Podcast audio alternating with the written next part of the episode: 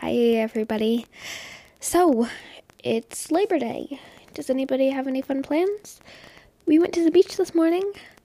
It was nice. You know, you'd think it would be colder, September in New England, but it was nice weather. So, uh, guess there's no more avoiding it. What happened on Friday? Or what didn't happen at the Stones Tower? Ugh, I really don't want to talk about this. I mean, I don't know what to say. I guess I should tell you what happened after I turned off the microphone. So, I was right at the base of the tower, a few steps away from the entrance. They were huddled at the top of the tower. Well, I mean, as huddled as you can be from six feet apart. You know, they were just standing in a circle around the outer edge. And the four of them were all wearing different suits of aces on their masks.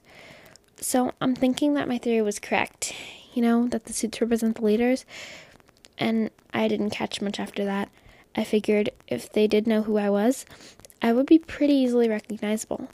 You know, carrying around a big microphone, there's not that many podcasters in Pondfield. So I turned off the mic, put it in my backpack, and speed walked back to my house. So, yeah, that's it.